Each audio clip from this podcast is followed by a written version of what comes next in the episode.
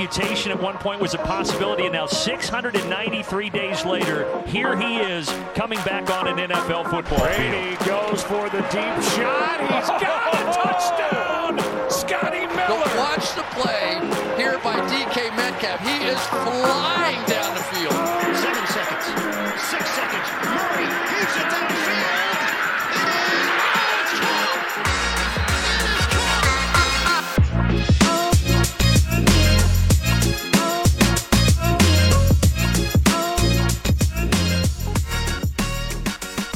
Ja, dames en heren, we hebben het gehaald. We hebben het gehaald. Het is het begin van Super Bowl Week. We hebben er echt zo lang op moeten wachten, maar we hebben het gehaald. Het einde van het seizoen is in zicht. Er is nog maar één wedstrijd te spelen en die wordt komende zondag eh, nacht gespeeld. Natuurlijk de wedstrijd tussen de Cincinnati Bengals en de LA Rams. Ja, wij mogen hem aftrappen. En met wij bedoel ik natuurlijk Toon Aarts en Lars Leeftink. eh, heren, welkom. Goedenavond. Hey Ton. Lars, eh, ja, we gaan het straks over de Super Bowl hebben. Maar eh, heb jij ook zo waanzinnig genoten van die wedstrijd die gisteren gespeeld werd? Oh. Weet je, ik, eh, ik, ik ben blij dat de Senior Bowl tijdens de Pro Bowl is. Want de- ja, ik zag highlights langskomen, of highlights, lowlights, hoe je het ook wil noemen. Ik, ja, ik vind het knap dat mensen ervoor naar het stadion gaan en mensen er naar kijken. Want ik, ja, ik, ik trek dat echt niet. Het is voor mij alles wat niet Amerika voetbal is, zullen we maar zeggen. Dat komt daar samen. Ehm, ja, als andere mensen het leuk vinden, prima. Maar ik, eh, ja, ik heb er eigenlijk nooit naar gekijk, gekeken en ik zal er waarschijnlijk ook nooit naar kijken. Laten we er vooral geen woorden aan vuil maken. Nou, trouwens, misschien wel aan het einde van eh, deze aflevering komen we nog even terug met wat laatste nieuws. En helaas was er ook wat minder mooi nieuws. Ik zou zeggen, er was iemand die er wel van genoten heeft. Tja, Ja, die heeft in ieder geval een leuke avond gehad, maar die eindigde in mineur. Dat gaan we straks over hebben. Eh, ook in de uitzending natuurlijk. Ik zei het al, Toon Aarts, de man die de laatste wedstrijd van Tom Brady live gecallt heeft. ja. ja, dat wist ik toen niet natuurlijk, maar eh, ja, dat ga ik toch eh, op een of andere manier moeten ja, een soort bewijsje van afdrukken, inkaderen en in mijn slaapkamer hangen, want dat is toch wel zeer speciaal. Ja, fantastisch. Wij hebben er in ieder geval van, van genoten. En goed, hij heeft naar je geluisterd. Hè? Jij dacht al tijdens de uitzending dat hij, eh, dat hij misschien wel eh, ging stoppen. En het gebeurde. Ja, Lars, eh, Lars zei het ook voor, voor we begonnen op te nemen. Zijn familie was echt door het dolle heen dat ze 27-3 achter stonden.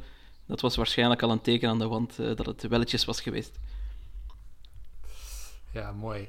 Hey, eh, Super Week, ik noemde het al. We gaan eh, heel veel doen bij Sport Amerika deze week. Natuurlijk eh, een onwijs groot aantal artikelen dat live gaat komen deze week. Eigenlijk is dat vorige week al begonnen.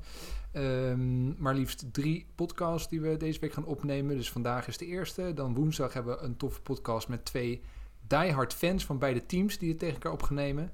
En dan natuurlijk ook vrijdag de grote preview show van de Super Bowl eh, wedstrijd.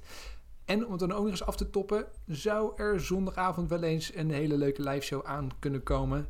Ook dat gaan we nog doen. Dus nou ja, deze week zit je gebakken als het gaat over de Super Bowl bij Sport Amerika. Ik zou zeggen, laat het allemaal op je afkomen. Ga ervan genieten, want het is eh, de En belangrijkste zat week artikel in, op de eh, site de NFL. natuurlijk ook. Ja, ja, ja, zeker. het komt er zeker, niet aan, Zeker. ook al wil je het. Ja. er is geen ontkomen aan. Er is echt geen ontkomen aan. Ehm, wat gaan we eh, deze podcast doen? Nou, eh, we gaan het eens eventjes hebben over hoe de beide teams, de Bengals en de Rams, eigenlijk eh, terecht zijn gekomen in de Super Bowl. Beide hebben natuurlijk een bijzonder seizoen gedraaid, maar wat gebeurde er nou allemaal dat seizoen? Hoe zijn ze daar terecht gekomen? Ook moeten we het nog even hebben over wat laatste nieuws in de NFL. Hè. Er is best wel weer wat gebeurd. Brian Flores heeft even een kleine bom gedropt. Daar moeten we het zeker even over hebben. Er zijn nog wat nieuwe head coaches die wel of geen nieuwe baan hebben. Ook daar gaan we het over hebben. En, eh, nou ja, en, en vast nog een heleboel andere dingen. Ik heb er heel veel zin in. Ehm, ja, waar zullen we beginnen? Zullen we eens beginnen met de, de, ja, toch wel de verrassing van, natuurlijk van dit seizoen. De Cincinnati Bengals. Zij hebben het gehaald. Eh, de Super Bowl, wat niemand van tevoren voor, eh, voor mogelijk achtte. Ehm, Lars, misschien met jou beginnen. Is, is er een moment dit seizoen wat je het meest is bijgebleven van het Bengals seizoen? De- nou, het eerste waar ik aan moest denken toen ik die vraag zag was de, de, de wedstrijd van Burrow waar die over 500 eh, passing yards ging. Ehm, weet je, bedoel, we wisten allemaal wel dat Burrow een hele goede quarterback is. En we zagen ook wel in de loop van het seizoen dat hij niet zoveel veel last meer had van de blessure van, eh, van het jaar daarvoor. Ehm, maar die wedstrijd was, de, ja, dat was, voor dit seizoen was het legendarisch. Maar überhaupt was het een van de beste wedstrijden die een quarterback ooit gespeeld heeft. En ehm, ja, weet je, wat mij betreft laat het wel een beetje zien eh, wat eh, in mijn ogen vooral Burrow heeft gedaan. eh, met een, een offensive line die eigenlijk zo lekker is als een mandje. Ehm, ja, dan is het natuurlijk bizar dat je zulke statistieken neer kunt zetten. Wat eigenlijk gewoon niet moet kunnen als je zo'n offensive line hebt. Dus wat dat betreft was dat voor mij wel. als je zegt het Bengals seizoen, wat viel mij op, dan is Chase natuurlijk heel makkelijk om aan te strepen. Maar als je één echte wedstrijd of een moment uitkiest, dan zou dat wel het moment zijn voor mij. Toon, heb je ook zo'n moment wat meteen bij jou Ja, boven komt? ja, voor mij was dat eigenlijk eh, een dikke week geleden de, de gelukte field goal van eh, Evan McPherson, McFearless, tegen de Chiefs. eh, AFC Championship, toch het, het allerbelangrijkste moment eigenlijk van het seizoen van de Ik krijg gewoon Bengals. kippenvel als ik er weer aan denk. Ja, aan, die, aan dat. Dat is, maar het is een ongelooflijk moment geweest. Dus ook, weet je, de, in de NFL heb je vaak goede teams die blijven zeer lang goed. Eh, en die komen telkens terug en je raakt er maar niet, maar niet vanaf. Zelfs als je hoopt er vanaf te zijn. Mijn eigen Patriots zijn zo'n team. Eh, de Steelers zijn ook eigenlijk een beetje zo'n team. Ehm, en dan heb je de, de kneusjes of de hele slechte teams. En die, ja, op een of andere manier faalt het altijd op het belangrijkste moment. En ik, ik eh, zette de Bengals eigenlijk ook in dat rijtje, maar vorige week, eh, eigenlijk al vroeger, hè, van bij het begin van de playoffs, maar vorige week was toch echt het moment waarvan ik iets had van oké, met deze Bengals moeten we wellicht de komende jaren nog rekening houden. Het is niet alleen een sprookje van dit seizoen, maar nu zijn ze echt gearriveerd. Je verslaat de Chiefs twee keer in hetzelfde seizoen, waarvan één keer in de AFC Championship game, wat toch een beetje de game is van de Chiefs eh, de laatste paar jaren. Eh, dat is... ehm, dat is ongelooflijk en, en spectaculair. Enfin, er zijn niet genoeg woorden voor eh, in, in mijn vocabularium alleszins om dat te beschrijven, maar dat, dat, is, eh, dat is voor mij een moment dat, eh, ja, dat, dat voor altijd gaat bijblijven als we denken aan de Bengals. Je noemt het al, hè? echt zo'n lelijk eentje... wat in één keer belangrijke momenten er staat en begint te winnen. Hoe moet het zijn als Browns-fan? Ja, die hebben eigenlijk datzelfde stigma. En hebben eigenlijk natuurlijk ook een goed team. Er werd heel veel verwacht aan het begin van het seizoen. Maar daar komt er dan toch niet eruit. Hè? En bij de Bengals is het, is het, ja, komen ze er wel doorheen. Wat, wat maakt dan het verschil ten opzichte van de Browns? ja de quarterback, eh, denk ik, eh, is het eh, obvious antwoord. Ja, die is wel makkelijk, ja. Ehm, maar ja, ik weet het niet, omdat inderdaad vorig jaar, zeker toen de Browns wonnen van de Steelers, dat was eigenlijk even spectaculair op dat moment. Natuurlijk zijn zij er wel tegen de Chiefs uitgegaan. Ook een legendarische wedstrijd trouwens, herinner ik me. Ehm, met, met Chad Henney volgens mij, die er nog moest inkomen. Enfin, het was eh, ook, eh, ook spectaculair.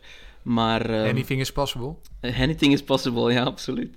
Ehm, maar dit is toch nog eens eh, tien, keer, tien keer zo spectaculair. En, en ik, ik weet niet goed, ja, buiten de quarterback en, en misschien de coaching. Alhoewel, Stefanski is ook geen slechte coach natuurlijk. Ehm, maar zet Burrow bij de Browns en ik denk dat ze ook grote kans maken om in, eh, om in de Super Bowl te staan, eerlijk gezegd. Ja, ik, ik denk dat het antwoord wel gewoon heel simpelweg de quarterback is. Want eh, in principe hebben de Browns in die afgelopen jaren ook gewoon hele goede teams gehad. Het is niet zo dat dat een, een, team was waar we, waar we geen talent hadden. Ik bedoel, zeker aanvallend gezien als je kijkt wat er allemaal rondliep toen. Eh, ja, weet je, dat, daar heb je gewoon dan genoeg mee wat je mee kunt. Die defense die de Bengals nu hebben, is niet per se zo heel veel beter als dat. eh, ik bedoel, er, zit, er loopt niet eens eigenlijk een Garrett rond, bijvoorbeeld. Ehm, weet je, dus de Browns hadden het talent wel, alleen het verschil is dat Mayfield eh, zich gewoon niet ontwikkeld heeft. Eh, bedoel, die is gewoon gestagneerd en heeft niet die volgende stap gezet, waardoor je in plaats van een, een team wat het net wel, net niet haalt, zoiets kan doen als wat de Bengals hebben. Want Burrow is gewoon, nou ja, dat is gewoon het allerhoogste niveau wat je kunt hebben. En Mayfield heeft die stap niet gemaakt. En dat is eh, uiteindelijk wel dat, dat ik bedoel, we hebben het heel vaak over dat quarterback zijn belangrijkste positie is. Eh, ik denk dat deze twee teams daar wel een goed voorbeeld van zijn. En we moeten wat dat betreft ook de, de Bengals eh, GM eh, Brown, die moeten we ook gewoon een, een, een pluim geven. Want wat die ook afgelopen zomer gedaan heeft, vooral met de defense. Als je kijkt naar al die aanwinsten die ze gedaan hebben. en Hendrickson heeft een grote rol gespeeld. Hilton heeft een grote rol gespeeld. Ehm, ja, die verdient absoluut Executive of the Year wat mij betreft. Eh, volgens mij heeft Bill Belichick die gekregen of gaat die krijgen. Eh, maar wat mij betreft had hij die moeten krijgen. Ehm, en daarnaast, weet je, we hebben het allemaal gehad over Sewell natuurlijk. Hè, dat ze die eigenlijk zouden moeten draften. hij is uiteindelijk wel degene geweest die gekozen heeft voor Chase. En eh, volgens mij is die keuze redelijk goed uitgepakt. Ja, Ja. op zich wel goed gelukt, ja. Trouwens, niet, niet alleen de Browns, eh, maar een ander team dat, dat hier eh, ja, met, met, gem- met gemengde gevoelens naartoe kijkt, heb ik gemerkt op eh, Reddit, eh, zijn de Chargers. Want eh, die hebben natuurlijk een quarterback waarvan ik persoonlijk denk, en, en velen met mij, dat hij hetzelfde niveau haalt of kan halen dan Joe Burrow. Maar ze hebben niet eens de playoffs gehaald, dus dat is... die kijken toch met enige jaloezie naar, naar wat deze knaap allemaal aan het doen is. Ja, je moest, hem, je moest hem er toch weer ingooien, hè, Toon? Niet? Ja, Je mag, je mag hem ook gewoon bij naam noemen, hoor. Ja, Justin Herbert had ook in de playoffs moeten staan. Eh, heel veel door, door het seizoen van de Bengals heen lopen. Hè. De, de eerste vijf weken was eh, best, best wel spannend als je een Bengals-fan was. Heel veel close wedstrijden viel me op als je kijkt naar die eerste wedstrijden. Hè. De, de, de overtime win tegen de, tegen de Vikings. Er moet gezegd worden dat de Vikings eigenlijk volgens mij bijna elke week overtime speelden Ja. of heel close waren. Dus dat zegt natuurlijk niet zo vreselijk veel. Maar ze hadden ook week vijf een overtime los eh, tegen de Packers. Verloor ze toen eh, heel nipt. Ehm, toen hadden ze twee heel sterke uitoverwinningen bij de Lions en de Ravens. Toen dacht iedereen van, nou, dit zijn ze. Dit gaat hem worden. Dit wordt het seizoen van de, van de Bengals. Ehm, maar eh, ja, toen kwamen er ook weer nederlagen tegen onder andere de New York Jets. Ja, de Bengals hebben dit seizoen van de Jets verloren. Ik weet niet of jullie het nog weten. En ook van de Browns werd keihard verloren, 41-16. Eh, dus toen was het eigenlijk sentiment weer compleet omgedraaid. Lars, toen eh, kwam daar de bye week en daarna was alles anders, hè? Ja, eh, weet je, voor die bye week hadden we eigenlijk iedereen wel een beetje het idee. Het begon, eh, bedoel, van tevoren hadden we wel het idee dat de Bengals een stap konden zetten. Maar weet je, de play-offs waren naar ons idee ook vanwege die divisie natuurlijk nog een beetje een stapje te ver. Nou, dat bleek eigenlijk in de eerste weken bleek dat ook wel. Op het moment dat ze een beetje erdoor kwamen, zakten ze eigenlijk weer in elkaar en ver- verloren ze op eh, onverklaarbare wijze. Eh, ja, na de bye week, bedoel, ze hebben verloren van, van, van de Chargers en van de 49ers. Eh, nou, we hebben allemaal gezien dat de 49ers ver zijn gekomen. Dat was ook tegen de, de fitte 49ers. Eh, nou, de Chargers zijn natuurlijk ook geen koekenbakkers, dat kan gebeuren. Eh, ja, dan de laatste nederlaag tegen de Browns, toen waren ze natuurlijk al klaar. Speelden ze met hun tweede team, speelde niemand meer mee. Ehm, maar goed, zegens op de, hè, op de Ravens die we net genoemd hebben, op de Chiefs, de Broncos uit, ehm, Steelers thuis, Raiders uit. Dat zijn natuurlijk belangrijke zegens die je uiteindelijk pakt en waardoor je ook momentum hebt. En dat zeiden we ook volgens mij aan het begin van de playoffs. Eh als er een dark horse is die, die in de AFC die, die op dit moment alle momenten met zich mee heeft, dan zijn dat de Bengals. Zeker omdat Burrow die laatste twee, drie weken echt bizar goed aan het spelen was. En eh, ja, ik denk dat weinig mensen ze uiteindelijk in de Super Bowl hadden gezet. Maar eh, ik, volgens mij, ik kan me ook herinneren toen die wildcard-wedstrijd tegen de Raiders. Het merendeel had volgens mij toen eh, de Bengals gecallt. Terwijl op papier eigenlijk de Chargers favoriet hadden moeten zijn. De Raiders. Eh, ja, de Raiders. Ja. Ehm, ja, nee, zeker. En eh hoe ik nog afvroeg, hè, Toon, de- uiteindelijk winnen de Bengals de divisie, maar, maar heel nipt, een half game voorsprong maar op de Steelers. Ehm, en dan zitten er ook nog twee andere teams in deze divisie, eh, genaamd de Ravens en de Browns, wat toch ook geen, eh, geen, eh, geen zwakke teams zijn. Ja, wat, dit, dit wordt echt een loodzware divisie de komende jaren, als je dat, als je dat zo ziet. Ja, absoluut. De AFC Noord toch wel een beetje het, het, ja, de NFC West van, het, van de AFC, zou ik maar zeggen. Eh, het, het is een heel sterke divisie. We hadden dat eigenlijk ook wel een beetje verwacht. Alleen had niemand van ons verwacht, denk ik, dat de Bengals uiteindelijk het sterkste team van die vier zouden zijn. We, we hadden het steeds over drie teams die het met elkaar zouden uitvechten. En dan vooral twee eigenlijk, de Ravens en, eh, en de Browns. En het, ja, het grappige toeval eh, wil dat, dat die twee teams net de derde en vierde zijn geworden in die divisie. Want de Steelers gaan nooit weg. Ehm, misschien volgend seizoen, wie weet. Ehm, maar, eh, maar de Bengals hebben toch iedereen verrast. En inderdaad, eh, het is eigenlijk bij mij die wedstrijd eh, van 24 oktober tegen de Ravens, de eerste keer dat ze winnen van de Ravens. Dat was het moment, denk ik, dat wij ook bij Sport Amerika begonnen zeggen. "Hmm, misschien kunnen ze de AFC Noord zelfs winnen, wie weet. Zou het geen sprookje zijn? Het zou toch fantastisch zijn, from worst to first. En uiteindelijk, twee weken later, ze- zei niemand dat nog, want toen was alles ingestort. En, eh, en zouden de Bengals gewoon de Bengals worden die iedereen dacht eh, dat ze zouden worden. Maar eh, dan moet ik toch zeggen, ja, in die bye week moet, moet ongelooflijk goed werk geleverd zijn. om, om al die neuzen terug in dezelfde richting te krijgen. Want wat ze daarna lieten zien, dat is toch ronduit indrukwekkend, vind ik. En ehm, ja, als je dat nu op papier bekijkt, dat team, als ze nu in het offseason, onafhankelijk of ze de Super Bowl winnen of niet, als ze nu een beetje de focus leggen op de O-line, ehm, Ja, boy. dan... dan Dat zeggen we elk jaar, hè? ja, ja, ik weet het. Maar toch... Burrow het- heeft geen O-line nodig, jongen. Hey, nou, maar als ze het nu, als het nu eindelijk eens doen, dan, eh, dan zijn de Bengals gewoon een heel eh, scary team voor, eh, voor de komende drie, vier jaar, denk ik. Ja, laten we wel weten, je moet ook een beetje geluk hebben natuurlijk in zo'n seizoen. En Ja, ik denk dat we, hè, als we kijken naar de blessures die de Browns en vooral de Ravens gehad hebben, ehm, heeft dat natuurlijk wel een beetje meegeholpen. De Bengals zijn voor het merendeel allemaal fit gebleven. Ehm, en weet je, ondanks dat je het dan natuurlijk nog gewoon moet doen, hè, laat dat eh, duidelijk zijn. Ehm, op papier, als, als de Ravens, vooral de Ravens fit zijn, eh, zijn de Ravens gewoon een beter team natuurlijk, zeker in de breedte. Eh, maar die hebben zo belachelijk veel blessures gehad dit jaar, dat het eigenlijk al bizar was dat ze überhaupt nog meededen. Ehm, maar goed, ja, dan moet, moet je er alsnog gewoon van profiteren. En dat hebben de Bengals natuurlijk wel gewoon fantastisch gedaan, wat dat duidelijk zo. Ja, en in de playoffs telt dat niet meer natuurlijk. nee, hè, want, precies. Joe Burrow met een goede offensive line, dat lijkt me echt niet eerlijk voor, voor andere teams. nee. Dat, eh, dat wordt echt een probleem. Want ik, ik, het was een, grappige statistiek die ik toevallig tegenkwam. Hè? Want ik zat te denken, hè, als je vaak hè, teams die niet zo hele sterke offensive lines eh, hebben, wat je vaak ziet, wat het, dat het veel dink en dunk eh, wordt. Dus korte paasjes, steeds een paar yardjes snoepen, snel de bal uit de handen van de quarterback. Ja. En dan kijk ik naar Joe Burrow. Eh, die heeft gewoon het hoogste gemiddelde yards per attempt, per pa- passing attempt. Dus ondanks zijn zeer matige offensive line, krijgt hij toch de bal steeds ver eh, weg. Dat is, dat is toch bijzonder, of niet? Ja, dat, dat komt vooral, dat hebben we volgens mij in die preview tegen de, tegen de Chiefs ook gezegd. Weet je, Mahomes is iemand die blijft niet in de pocket staan, die gaat rennen en gaat uit zichzelf wat creëren. En, en Burrow, en dat deed hij in college ook al, die, die blijft gewoon zo lang staan dat hij eigenlijk gooit op het moment dat hij, nou ja, in zijn geval dan heel vaak, eh, geraakt wordt. En eh, het feit dat hij niet in paniek raakt, niet naar de zijkanten begint te rennen. eh, weet je, Mahomes kan dat goed. En Burrow heeft zeker wel atletisch vermogen, maar wat hem juist zo goed maakt, is dat hij ondanks die offensive line toch voor zichzelf de tijd weet te vinden. En ook voor de receivers. ehm, om die bal dan te gooien net op het moment dat hij geraakt wordt. Want hij is echt heel veel geraakt dit jaar. Eh, en het jaar daarvoor ook. En dat komt gewoon deels door de offensive line. Eh, maar ook deels door zijn speelstijl. Omdat hij gewoon echt tot de allerlaatste seconde in de pocket wacht. eh, voordat hij gooit naar een chase bijvoorbeeld.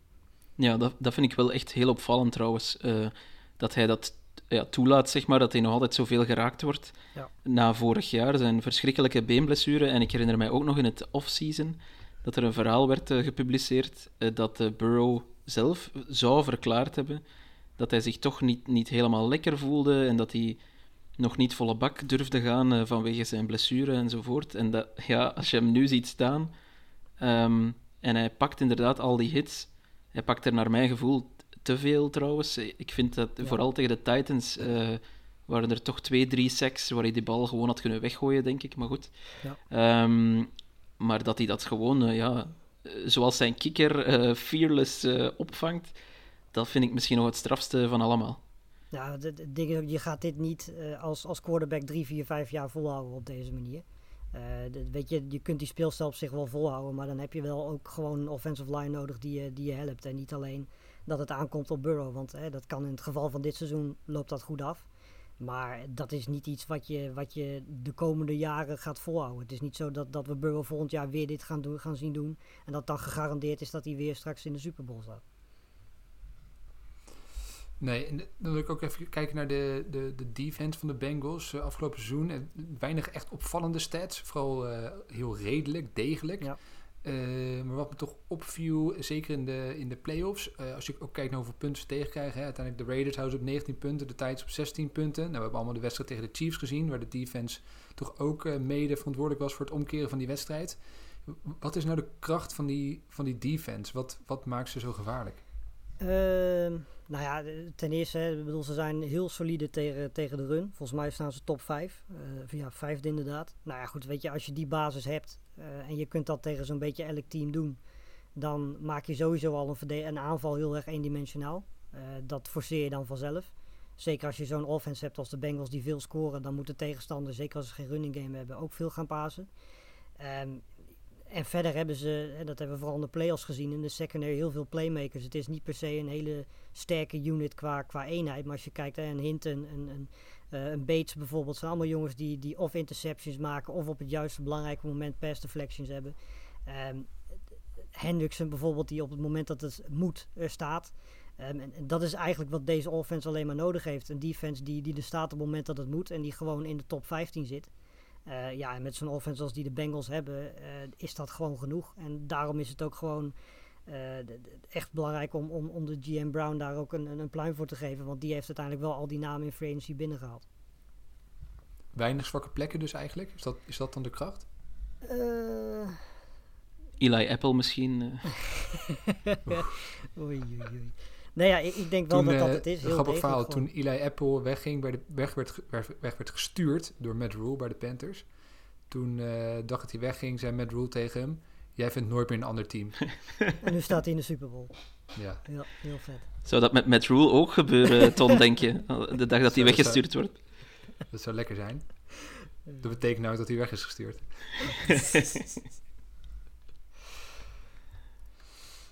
Nee, maar alle gekheid. Dit, natuurlijk inderdaad, eh, dat, dat is dan misschien een zwakke plek. Hè, maar verder, verder eigenlijk weinig zwakke plekken in deze defense. Ja. En dat, dat is mij ook opgevallen. Dat ze eigenlijk...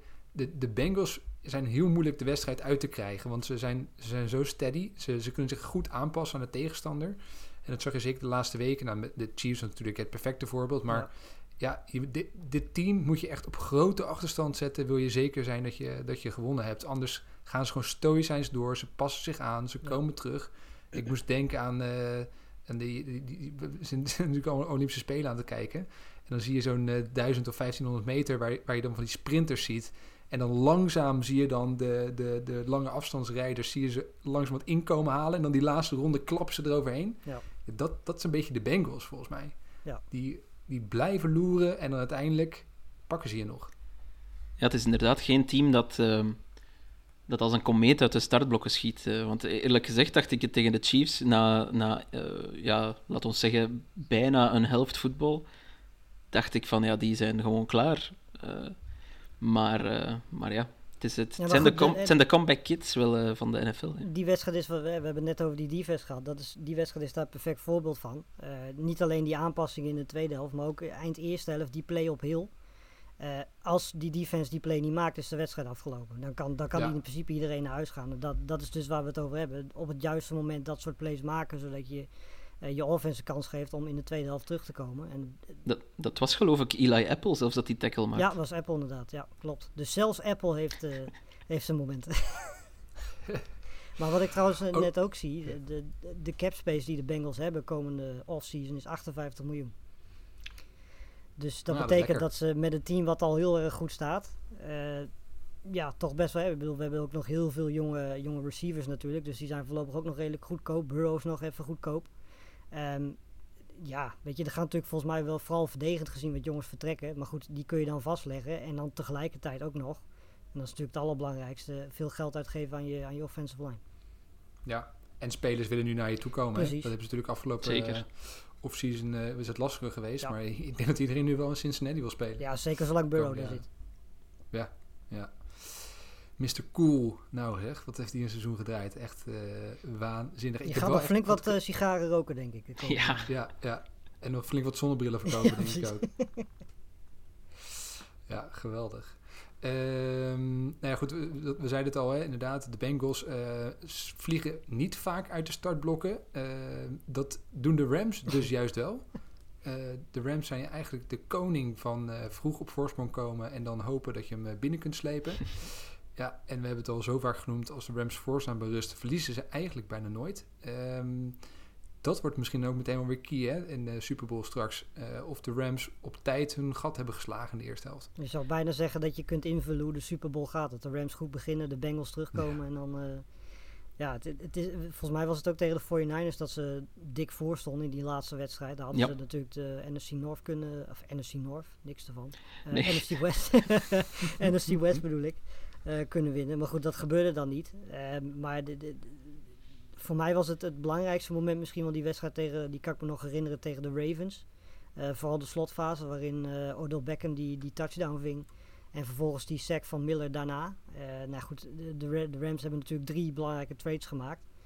Stafford natuurlijk binnengehaald. Nou ja, tot nu toe blijkt dat. Hè, brengt ze in principe ongeveer het veld als met, met golf. De vraag is nu, kunnen ze die laatste stap met hem zetten door de Super Bowl te winnen? Eh, nou, Miller en Beckham hebben natuurlijk eh, zeker in die tweede seizoenshelft hun, hun, ja, hun aanwezigheid wel laten zien, denk ik. En dat allemaal voor, eh, voor twee firsts, één second en twee third round picks. en dan ook nog golf erbij. Ehm, ja, ik denk dat dat. dat Stafford heeft een hele grote stap gegeven. Maar ik denk dat Miller en Beckham misschien wel de twee zijn geweest die het laatste zetje gegeven hebben. Zeker toen, toen Woods natuurlijk geblesseerd uitviel, was natuurlijk de aanwezigheid van Beckham wel heel belangrijk. Ja. Tot slot nog even één vraag nog even over de Bengals. En dan sluit het hoofdstukje Bengals voor nu even af. Maar ehm, de divisional round tegen de Titans, zeg even uit mijn hoofd. Ik dacht dat Burrow 9 sacks Ja, tegenkreeg. klopt.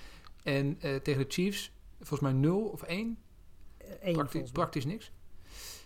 Wat, wat voor offensive line gaan we in de Super Bowl zien? Eh, wordt het het verhaal als tegen de Titans? Zeker die- tegen die ijzersterke D-line van de Rams? Of hoe, hoe gaan ze zich houden? Gaan ze zich erop instellen? Ja, ik denk. Het probleem wordt denk ik dat je, ja, als je Donald eh, tegenover je hebt, dan ben je verplicht om die eh 90% van de tijd te double-teamen, soms zelfs te triple-teamen. Ehm, en dat, dan komen die andere jongens eh, vrij. Floyd, Miller komt er dan vanuit de linebacker ingevlogen. Ehm, en, en daar is, vrees ik, de O-line van de Bengals niet sterk genoeg voor om dat allemaal op te vangen. Maar ehm, maar ze hebben wel tegen de Chiefs bewezen dat ze alleszins, eh, als ze allemaal hun dag hebben, dat ze het wel het beste kunnen houden. Maar ik denk dat de D-line van de Rams, enfin, de front seven alleszins, toch nog van een hoger niveau is eh, dan, dan die van de Chiefs. Ja, ik, ik denk ook dat wat de Rams ook weten is dat die vier met z'n vieren die offensive line van de Bengals wel kapot kunnen maken. Ehm, waardoor ze dus waarschijnlijk meer mensen straks in coverage gaan hebben. En dat is natuurlijk tegen een, een offense met zo'n goede passen en zoveel goede receivers wel heel erg belangrijk. Ja, en als de Bengals dan gaan rennen, dan gaan ze maar rennen. Dan zijn ze in de playoffs tot nu toe niet heel erg succesvol in geweest. Dus eh, ja, we hebben het volgens mij de afgelopen drie weken al over gehad. Dat, dat eigenlijk elke frontlinie zo'n beetje een mismatch is voor de Bengals. Maar eh, dit, is, dit is wel echt de, de ja, in dit geval de, de, niet de verrotte, maar de gewone kers op de taart. Ja, daar is hij weer. nou, we zijn wel lekker aan het vooruitblikken. We moeten ook nog even terugkijken. Eh, we hebben het over de Bengals gehad. Eh, de, Rams dan nu, Lars. eh, eigenlijk zelf te vragen. Is er bij jou zo'n moment eh, als bij de Bengals van het seizoen... wat jou is bijgebleven van de Rams? Ja, ik had hem net eigenlijk al genoemd. eh, die wedstrijd tegen de Ravens. Waarbij, eh, waarbij Beckham die, die touchdown ving aan het einde. En vervolgens eh, Miller die sack had. Eh, voor mij kwam daar alles bij elkaar. Het feit dat Stafford die touchdown gooide en die drive leidde. Het feit dat Beckham die bal vangt. En het feit dat Miller dan vervolgens de wedstrijd beslist met die sack. Dat zijn drie spelers die je gehaald hebt omdat je de Super Bowl wil halen. En ja, dit is één voorbeeld van een wedstrijd waarin zij belangrijk waren. En dat hebben ze daarna en ook daarvoor vaker bewezen. Ehm, voor mij was dat wel, wel het moment waarop ik dacht van oké, dit, eh, dit is echt, zijn echt goede moves geweest. Productief geweest. En eh, daar gaan ze echt ver mee komen. Toon dan. ehm, ja, de, de Rams zijn niet zo goed in het, eh, in, het uit, in, in, in het draften van spelers, maar vooral eh, in het eh, oppikken van free agents en, eh, en trades. Eh, ja, d- hebben we dit seizoen een masterclass trading gezien vanuit eh, de Rams kant? Ja, ik denk dat wel. ehm, ik denk dat ze eigenlijk alle correcte moves hebben gemaakt. Ehm, eh, ja, natuurlijk, die, die, eh, ik herinner me nog, eh, ik denk dat het eh Odell Beckham was. Na die trade stuurde het Twitter-account We're All In, denk ik zoiets, de wereld in. Ehm, en dan volgens mij de twee of drie daaropvolgende wedstrijden verloren ze. En daar werd er natuurlijk een beetje mee gelachen, want ze hadden en geen draft capital en ze gingen misschien zelfs uit de playoffs vallen of wat dan ook. Eh, ze konden niet meer winnen, ze konden enkel maar tegen slechte teams winnen enzovoort. Maar dan zie je toch dat ja, bij trades dat dat altijd een beetje tijd nodig heeft. Ehm, en dat die twee, die twee pionnen met name nu toch eh, echt heel goed inge, ingewerkt zijn in het team. En dat, eh, ja, Lars heeft volledig gelijk, dat zij de sleutel zijn, die twee met name, van, ehm, van het succes van de Rams. Al moet ik wel zeggen, eh, voor mij, eh, Lars, is eh, Stafford toch een heel duidelijke upgrade tegenover Jared Goff. Ja, ja, ja. Ehm, ik vind ze niet gelijkwaardig, maar ik vind Stafford toch zeker een, een niveau nee, maar ik, ik bedoel ook puur qua, qua resultaat. Hè, want met golf hebben ze ja, ook de. Super Bowl gehaald. Dus op die manier bedoelde ik het. Ja, ja, ja, dat klopt. Ehm, nee, dat is waar. Ehm, maar Stafford is toch ook iemand waarvan je ziet dat hij zijn receivers vertrouwen geeft. En, en ik, ik denk niet dat het een toeval is dat Cooper Cup net bij de komst van eh, Matthew Stafford eh, zijn, zijn grote recordseizoen neerzet. Verdient, eh, verdient sowieso credits, hè, Stafford. Want eh, niet alleen door zijn spel van afgelopen seizoen, maar hij was ook hoogstpersoonlijk voor verantwoordelijk dat, dat hij uiteindelijk naar de Rams ging. Want zoals jullie misschien nog weten, aan het begin van het seizoen zou hij eigenlijk naar de Panthers, op een haar na rond, of was eigenlijk al rond. Toen gaf hij zelf aan van ja, ik wil naar de Rams. En nou goed, toen, toen wisten de Rams uiteindelijk nog met een last minute bid te komen om hem, eh, om hem binnen te halen. Ja, en je zag het ook, hè, na- de, na de wedstrijd in de, in de, in de conference final. McVay die direct eh, op, eh, op Stafford af, eh, afstormt. Ja, dat is echt... eh, eh, die, die zijn natuurlijk echt beste vrienden voor het leven. Ja, en de- wat nog het bizarre eraan is, is dat ze het allemaal gedaan hebben zonder Cam Akers. Want dat vergeten we nog even. Maar die, Ja. eh, die viel het begin, voor het begin van het seizoen uit. Iedereen dacht van, nou, die zien we de rest van het jaar niet terug. En ik kan me nog herinneren ook dat we... Daarvoor hadden we de Rams volgens mij allemaal wel eh, zo'n beetje in NFC West bovenaan staan. En als Super Bowl kans hebben. En op het moment dat Akers uitviel, werden we toch ietsjes minder enthousiast. We zijn nog steeds van, oké, het is een running back, die is vervangbaar. Maar een Akers eh, ja, heeft wel zo'n grote rol in, in die offense dat dat eh, ze in ieder geval een categorie daaronder zet. En toen kwam al heel vaak de 49ers en zo naar boven. Ehm, maar eh, Henderson en zeker de, de, de aanwinst van Sony Michel hebben daar een hele belangrijke rol in gespeeld. Want ik bedoel, Henderson heeft ook zijn blessures gehad. En, en Michel is in de tijden dat hij echt op moest staan, eh, stond hij er wel. Zorgde hij er in ieder geval voor dat, dat, dat er een running game was. Het was allemaal niet op één wedstrijd na of zo heel spectaculair, maar het was wel functioneel en dat is het belangrijkste. Ehm, en eh, uiteindelijk, ja, dat je dan op zo'n moment uiteindelijk ook nog Ekers terugkrijgt en die ook meteen er staat. Terwijl die van de blessures terugkomen waar je eigenlijk niet zo snel van terug kan komen. Ehm, dat heeft ze natuurlijk in de playoffs wel een, eh, een extra boost gegeven. We hadden het over de Bengals, dat ze goed waren in close games eh, afgelopen seizoen. Maar de, de Rams eh, konden er ook wat van. Zeker eigenlijk in het, in het laatste deel van het seizoen. Ik noem even een paar uitslagen. Eh, 2019 tegen de Ravens. 27-24 verloren ze in overtime van de 49ers. 30-27 natuurlijk die, eh, die, die laatste wedstrijd van Tom Brady tegen de Bucks. En eh 2017 weer tegen de 49ers in de Conference Championship. Zijn ze nou goed in close games? Of, zal ik te denken, zijn ze goed in een voorsprong nipt, dipt eh, binnen, eh, nog binnen te houden, zeg maar? Ja, ik, ik was vandaag de, de head-to-head eh, headcoaches artikel aan het schrijven voor eh, Sport Amerika. En het viel mij toch op dat, ehm, dat de Rams dit seizoen toch twee keer, alleszins zeer duidelijk, een, grote voorsprong eh, ja, gewoon weggeven. Eh, en dan vooral omdat Sean McVay op zo'n moment, en ik weet niet goed hoe dat komt, toch een beetje conservatief wordt en een beetje een, een angsthaas wordt. Ehm, en niet meer de agressieve, risicovolle coaches waar hij vaak eh, voor versleten wordt. En met name ehm, ja, tegen de 49ers kostte dat de overwinning zelfs.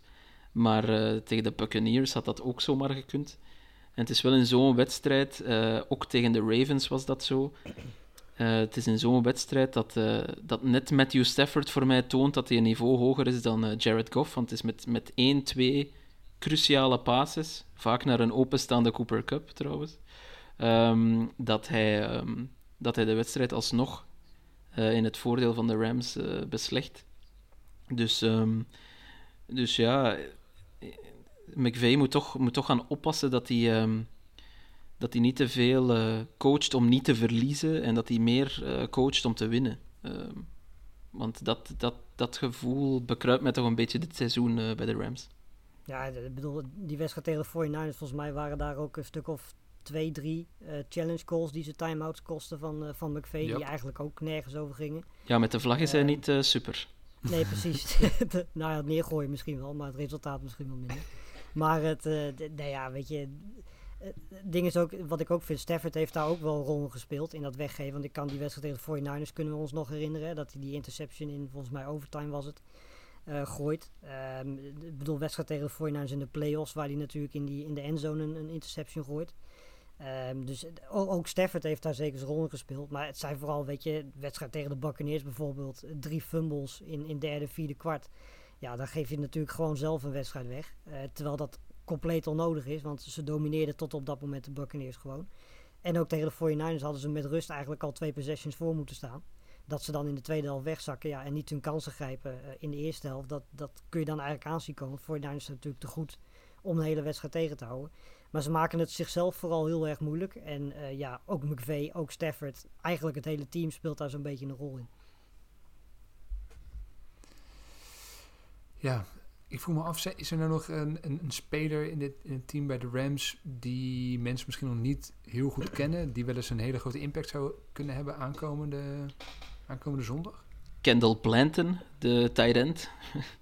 Ja. ja, ik Ehm, zat toevallig net even te lezen hoe het was met eh, hoe, hoe, hoe het is met Tyler Higby. Het is nog niet helemaal duidelijk of hij gaat kunnen spelen. Er staat eigenlijk dat als het als de wedstrijd afgelopen zondag gisteren zou zijn gespeeld, zou die doubtful zijn geweest. En dan speelt hij meestal niet. Ja, dat is echt nog een twijfelgeval, hè? Ja, zonder Higby eh, hebben ze effectief maar één, eh één tight end meer over, denk ik. Dat is dan Blanton. Alhoewel ik zie hier denk ik op de depth chart nog Bryson Hopkins staan. Maar goed, ja, wie, wie is Bryson Hopkins? Ehm, een, een andere eh, speler die iedereen wel kent, eh, denk ik, maar die toch een spectaculaire comeback heeft gemaakt, is Eric Weddle. Ehm, die, zat, Ja. ja. die zat halverwege dit seizoen nog ergens op een strand, eh, Zo. denk ik. En die, eh, 37. ja, nu heeft hij wel gezegd dat het echt de laatste, de- zijn laatste kunstje is. En nog de Super Bowl even winnen en dan is het goed geweest. Ja, Wel als ik- lekker ik toch? dan Als je nog, zo nog eh, even de Super Bowl binnen Ja, fantastisch. Als ik fantastisch. dan nog, nog twee namen mag noemen, dan zou ik die. Want we hebben natuurlijk, hè, als we die over die lijn, de verdedigende lijn praten, praten we natuurlijk altijd over Aaron Donald. Eh, maar Sean Robinson en, en Greg Gaines, die spelen daar ook een hele belangrijke rol in.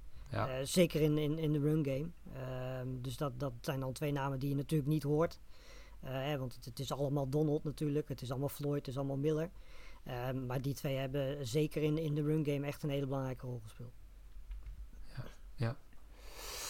Ja, de Rams. eh, zij gaan het eh, doen in hun eigen stadion. Eh, zitten er straks meer eh, fans van LA, van de Rams in het stadion? Of meer 100% fans? van de Bengals. Maar als ik de ticketprijzen zie, zullen het vooral VIP's zijn, denk ik, die in het stadion zullen zitten.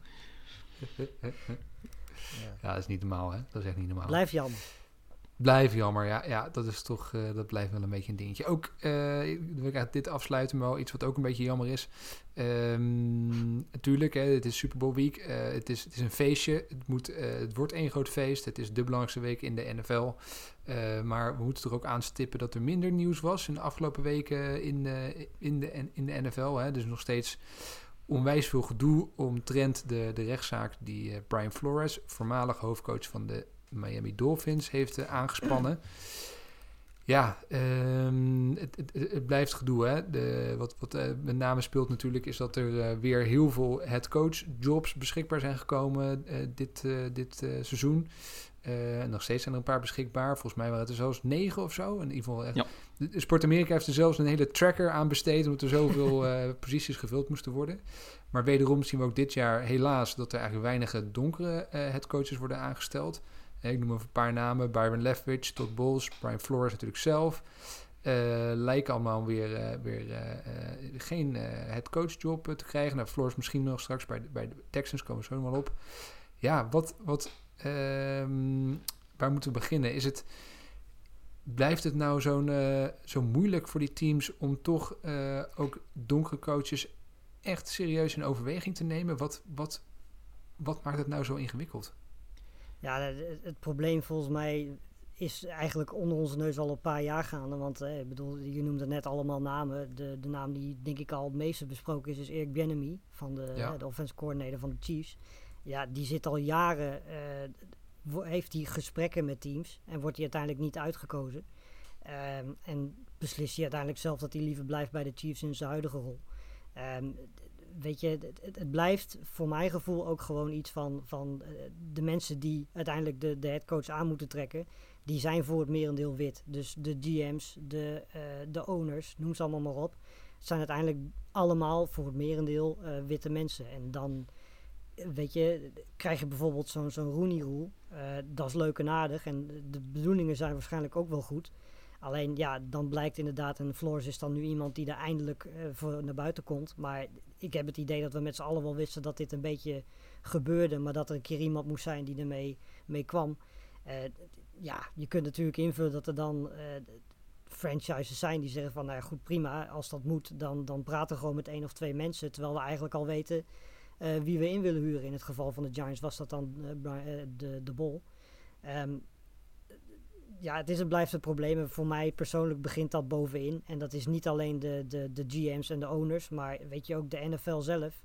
Ehm, iedereen die daar zo'n beetje hoog zit, is wit. Ehm, terwijl als je kijkt naar de, de, de coaches die er verder zijn, als je kijkt naast het veld, maar ook de spelers die meedoen, is een heel groot deel daarvan zwart. En dat is een beetje eh, ja, tegenstrijdig, zullen we maar zeggen. En de, de ontslagen van afgelopen, afgelopen eh, nou, zomer, wou ik zeggen, afgelopen winter. en Cully is daar het beste voorbeeld van. En Flores denk ik ook. Die hebben allebei gewoon goed gepresteerd. Niks fout gedaan. Er was eigenlijk geen reden om ze te ontslaan. En toch worden ze ontslagen. En dat is, eh, ja, weet je, voor mij persoonlijk begint het allemaal bovenin. Eh, de mensen die ze moeten inhuren. En daar, daar moet wat gebeuren. De vraag is alleen of ze dat willen. Of dat er weer een regel komt die, eh, net zoals de Rooney Rule, een soort van schijn, eh, ja, schijnoplossing is. Ja, je hebt nu die regel dat eh, als er een, een, een gekleurde, wel, een gekleurd personeelslid weggehaald wordt bij een team om headcoach te worden elders, Ja. dan krijgen ze compensa- compensatory picks, als ik dat woord goed uitspreek. En dat is nu gebeurd met de 49ers. Want Mike McDan- McDaniel, je zou het niet zeggen, maar is, is zoals hij zelf zegt multiracial. Dus hij heeft een zwarte vader en een witte moeder. En hij is nu de head coach van de Dolphins. Dus de 49ers hebben daar ja, een, eh, een beloning voor gekregen, zeg maar. Al vind ik dat systeem een beetje, een beetje dubbelzinnig, maar goed. Maar eh, ja, wat jij zegt, Lars, is denk ik wel correct. Hè? Het, begint, eh, het begint bovenaf. En ze zeggen met een mooi Engels spreekwoord: A fish rots from the head down. Ehm, en ik, eh, ik, denk, one. ik, ik denk dat dat klopt. Ehm, als je ownership predominant wit is, dan eh, vrees ik dat er, ja, ehm, ofwel onbewust, maar soms ook gewoon bewust, denk ik, eh, dat er voorkeuren worden naar voren geschoven die niet representatief zijn. Als je hele league voor 80% uit zwarte spelers bestaat, is het natuurlijk belachelijk dat je maar één zwarte headcoach hebt. Of nu twee, of misschien drie. Maar ehm, het, het kan toch ook niet zijn dat, eh, dat, dat er in heel, heel de pool van headcoaches maar één iemand is, één zwarte headcoach die goed is. Mike Tomlin heb ik het dan over.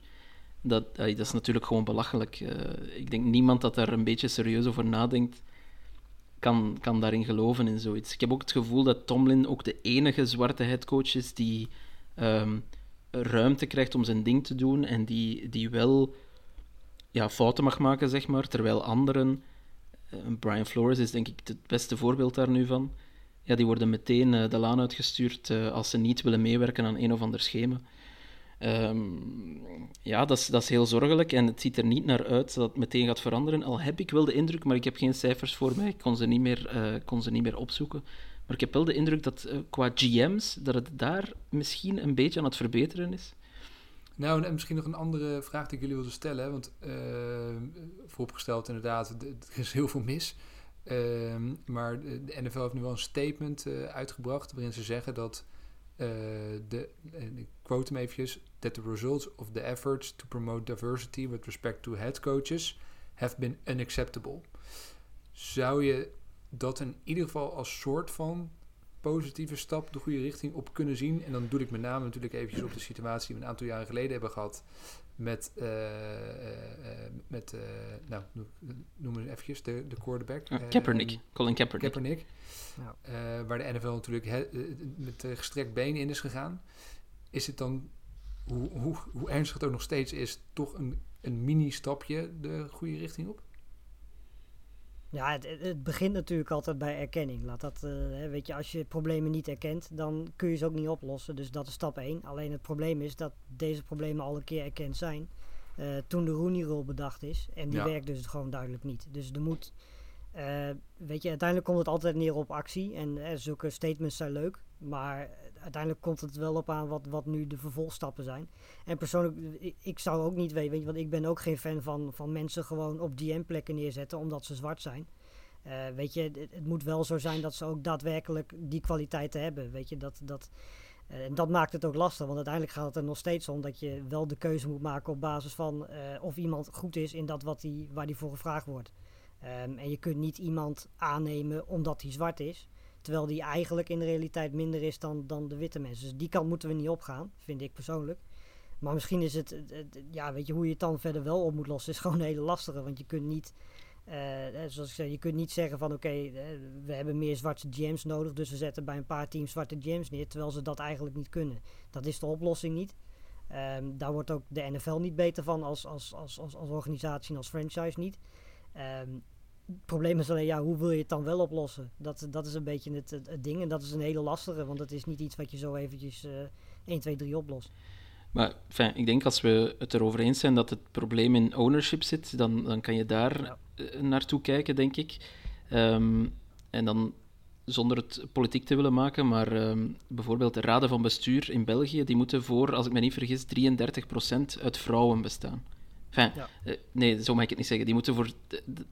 het moet 33 tegenover 66% zijn eh, qua, qua genderverdeling. dus het mag ook omgekeerd zijn natuurlijk.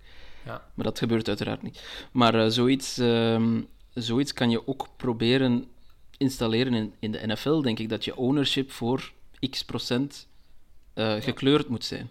En dan dwing je niemand om een zwarte GM te nemen of een zwarte headcoach te nemen, maar denk ik wel dat die mensen meer kansen gaan krijgen omdat ze ook vertegenwoordigd zijn op het hoogste niveau.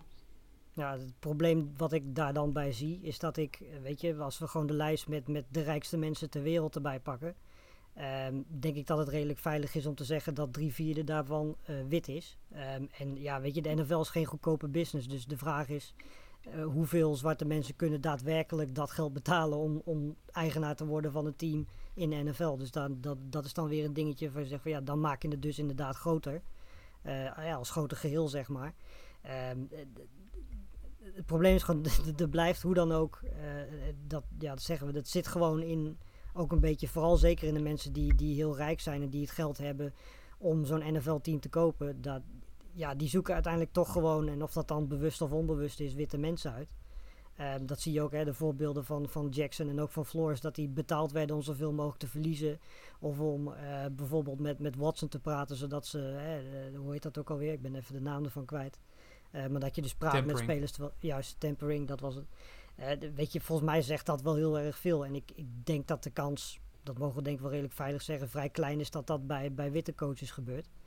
D- ja, dat zijn dingen. En inderdaad, we moeten meer owners hebben. Maar de vraag is dan, ja, zijn er heel veel zwarte mensen die en interesse hebben om eigenaar te zijn. En dan ook nog eens het geld hebben om zo'n grote eh, franchise te betalen. Want het is natuurlijk niet iets wat je zo eventjes afrekent en eh, pint bij de ING. Nee, maar je zou misschien natuurlijk wel kunnen zeggen dat een, eh, dus ze zullen bij elk team ook een soort van managementteam eh hebben, neem ik aan, waar dan een paar mensen in zitten, waaronder de GM en de, en Ja. de head coach. Je kan natuurlijk wel op een gegeven moment gaan zeggen van oké, van, van het managementteam moet inderdaad, wat Toon zegt, moet er, moet er een soort van 33 versus 66% verdeling minimaal zijn tussen, eh, eh, tussen blank en zwart. Op Ja. die manier kan je dan inderdaad misschien wel iets afdwingen.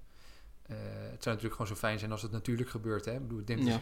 dat, dat de, de fanbases zullen ook niks hebben te- ten opzichte van een, van een donkere headcoach. Er zijn, zitten echt hele populaire headcoaches tussen, denk ik. Dus dat, dat vind ik dan ook zo raar. Van het, het- ik denk dat je juist misschien heel veel als franchise aan, eh, mee kan winnen om, het, eh, eh, om juist ervoor te kiezen. Ja. Maar goed, het blijft eh, inderdaad ownership en conservatief. Hè? Dat, dat, Weet je, en ik ben ervan overtuigd dat van die 32, eh, het zullen waarschijnlijk niet allemaal 32 eh, witte GM's zijn en, en eigenaren zijn, maar eventjes eh, van die 32 zullen ze echt niet alle 32 expres geen zwarte mensen kiezen. Het, het, het heeft gewoon meer te maken met, het is automatisme, het zit erin. Eh, je wil graag mensen hebben die hetzelfde denken, die hetzelfde, eh, hetzelfde eruit zien, die hetzelfde, ja, eh, hetzelfde maniertjes hebben, zullen we maar zeggen. En dat zijn meestal dan toch witte mensen. Daar kom je dan automatisch op uit. En in sommige gevallen is dat inderdaad expres, omdat ze geen zwarte mensen willen aannemen. Maar ik denk in een merendeel van de gevallen dat het, dat het toch vooral heel veel automatisme is. En dat is iets wat we eruit moeten halen. En om dat eruit te halen moet je voorbeelden zoals Flores, zoals Kaepernick hebben die aantonen en, en laten zien wat eigenlijk daadwerkelijk het probleem is. Ja, het blijft eh, in- ingewikkeld hè, om hier een, eh, tot, tot een conclusie te kunnen komen. Nou goed, ik, Ja. ik denk wel dat het belangrijk is om in ieder geval aandacht aan te blijven geven. De, de zaak van Brian Flores gaan we natuurlijk eh, nauwlettend volgen. We gaan ook volgen of hij misschien nog bij de Texans aan de slag gaat. Of dat het toch Josh McCown wordt. Ehm Ja, overigens, hoor je nou wat je zegt?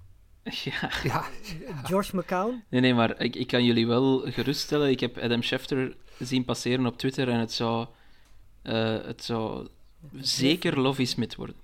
Ja, oké. die is zwart geloof ik. Hè? Die is zwart, ja. Ja. De- en dat is op zich geen slechte coach natuurlijk. Die is naar de Super Bowl geweest met de Bears. Maar ehm, Hoeveel jaar geleden? ja, inderdaad, dat is, dat is problematisch. Ehm, waar ik wel een beetje schrik van heb, en misschien met Cully was dat ook zo vorig jaar, is dat het dan een soort, ehm, ja, soort window dressing is.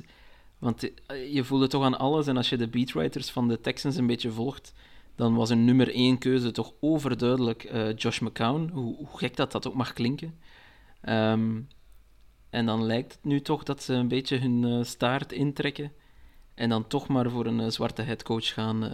maar zeker niet Brian Flores, uiteraard. Want die, ja, die, is, die heeft zichzelf helaas en onterecht eh, verbrand, vrees ik.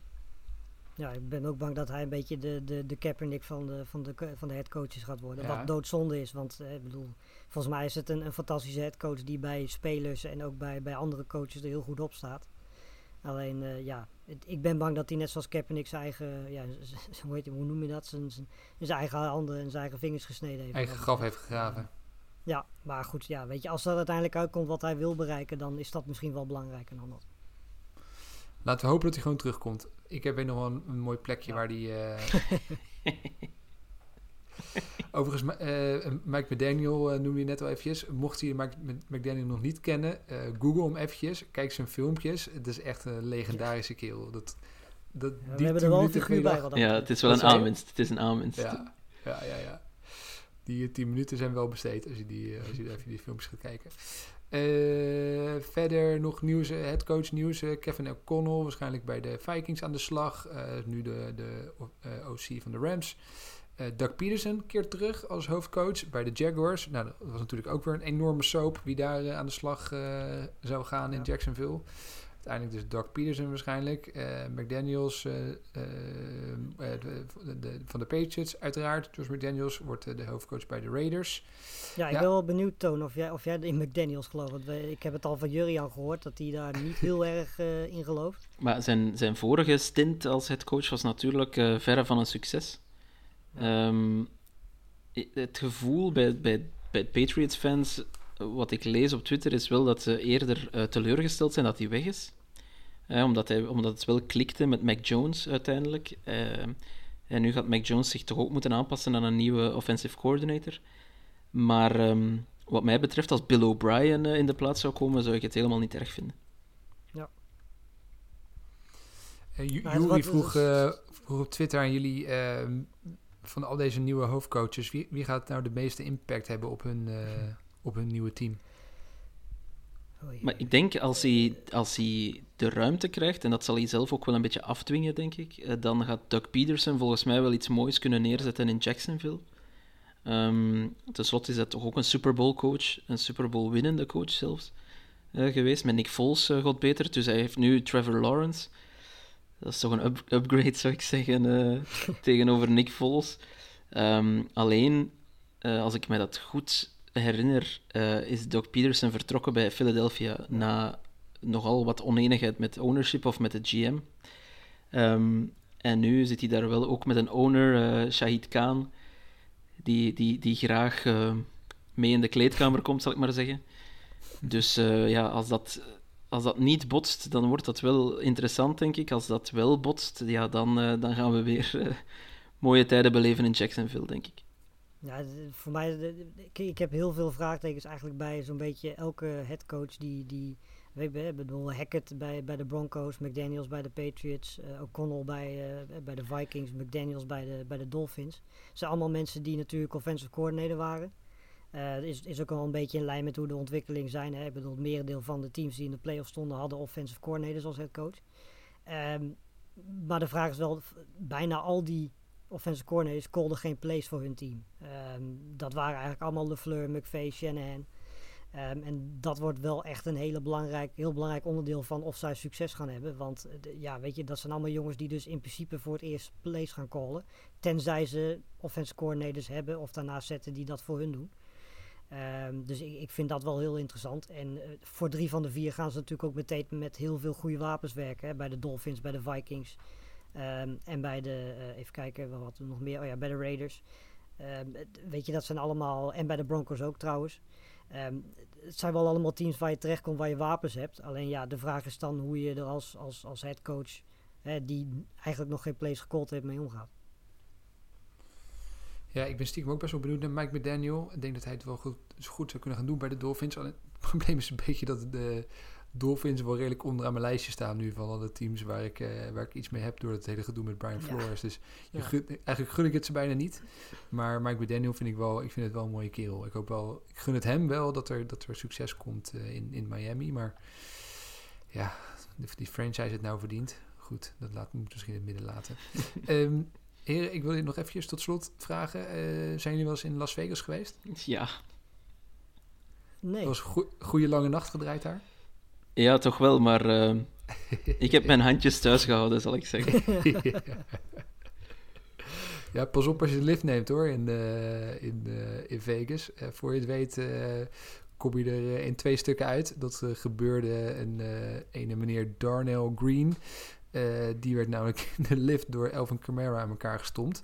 Die heeft een charge aan zijn broek zitten. En nou goed, die, dat kan tot problemen leiden. Ehm, ja, het, het, het offseason, het offseason is weer begonnen, heren. De- Er gaan weer de meest vreemde berichten over NFL-spelers naar buiten komen. Ik heb nooit het idee gehad dat het geëindigd is. Als je kijkt wat er bij de Raiders gebeurd is allemaal. Met, Ja, hè, met ja. Brooks, met, eh, met Arnett. Het, het, ja, het was, in principe was het altijd wel een dingetje natuurlijk tijdens het offseason dat dit soort dingen heel veel gebeurden. Hè, omdat spelers dan meer de tijd eh, voor zichzelf hebben.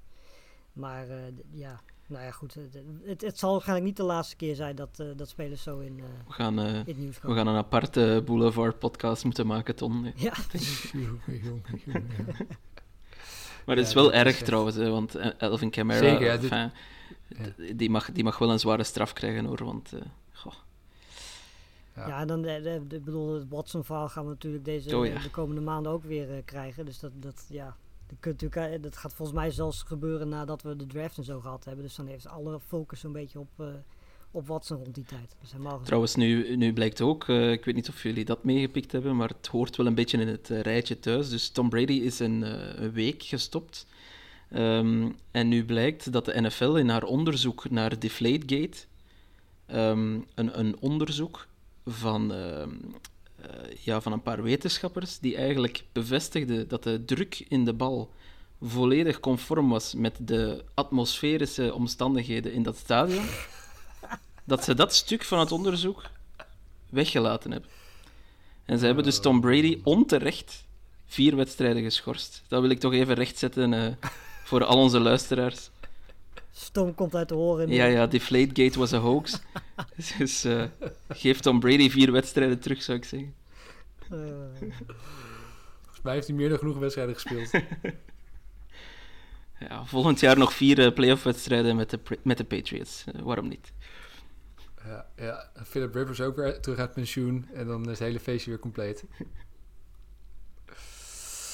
Mooi. Nou, de, de, top is eraf, eh, jongens. We gaan eh, de, deze week eh, in met, met, met deze podcast. En zoals gezegd, woensdag zijn we er alweer met een, een mooie aflevering. Met twee eh diehard fans van zowel de Rams als van de Bengals. Live in de podcast, dus dat wordt mooi. Vrijdag de grote podcast preview show. Die wil je zeker niet missen. En uiteraard, ja, ik noemde het al, aankomende zondag zijn we naar alle wa- waarschijnlijkheid zelfs met een live show. Ja, eh, we, zijn, er, we zijn begonnen. Ik begin, begin er nu wel echt wel zin in te krijgen hoor. Nog eh, een Ja, klein ja. weekje. Oh man. Over een week, ja, dat is wel ook weer het ding. Over een week is het alweer voorbij, hè? ik zou zeggen, de- we moeten er ook echt maar van genieten. Want na deze week komt er een heel groot zwartgat. dat. Ja, ja, ja. Maar ja, dat jij, jij hebt de komen draft nog, weer. Lars, eh, waar, waar je ongetwijfeld veel tijd aan gaat besteden. Ja, en March Madness en de NBA playoffs. Dus eh, ik overleef het wel. Maar eh, er zijn mensen die natuurlijk alleen NFL kijken. En die, eh, ja, die komen wel een heel flink eh, zwart gat terecht tot en met, eh, wat is het, augustus. Als je Ja. van pre-season houdt. Dus, Nou goed, die, die mensen praten we er ook alweer doorheen. Komt allemaal goed. Laten we eerst lekker gaan genieten van deze week. Eh, heren, jullie onwijs bedankt. En eh, Yes. we spreken elkaar zo. Yes. yes. Hoi hoi. Bye.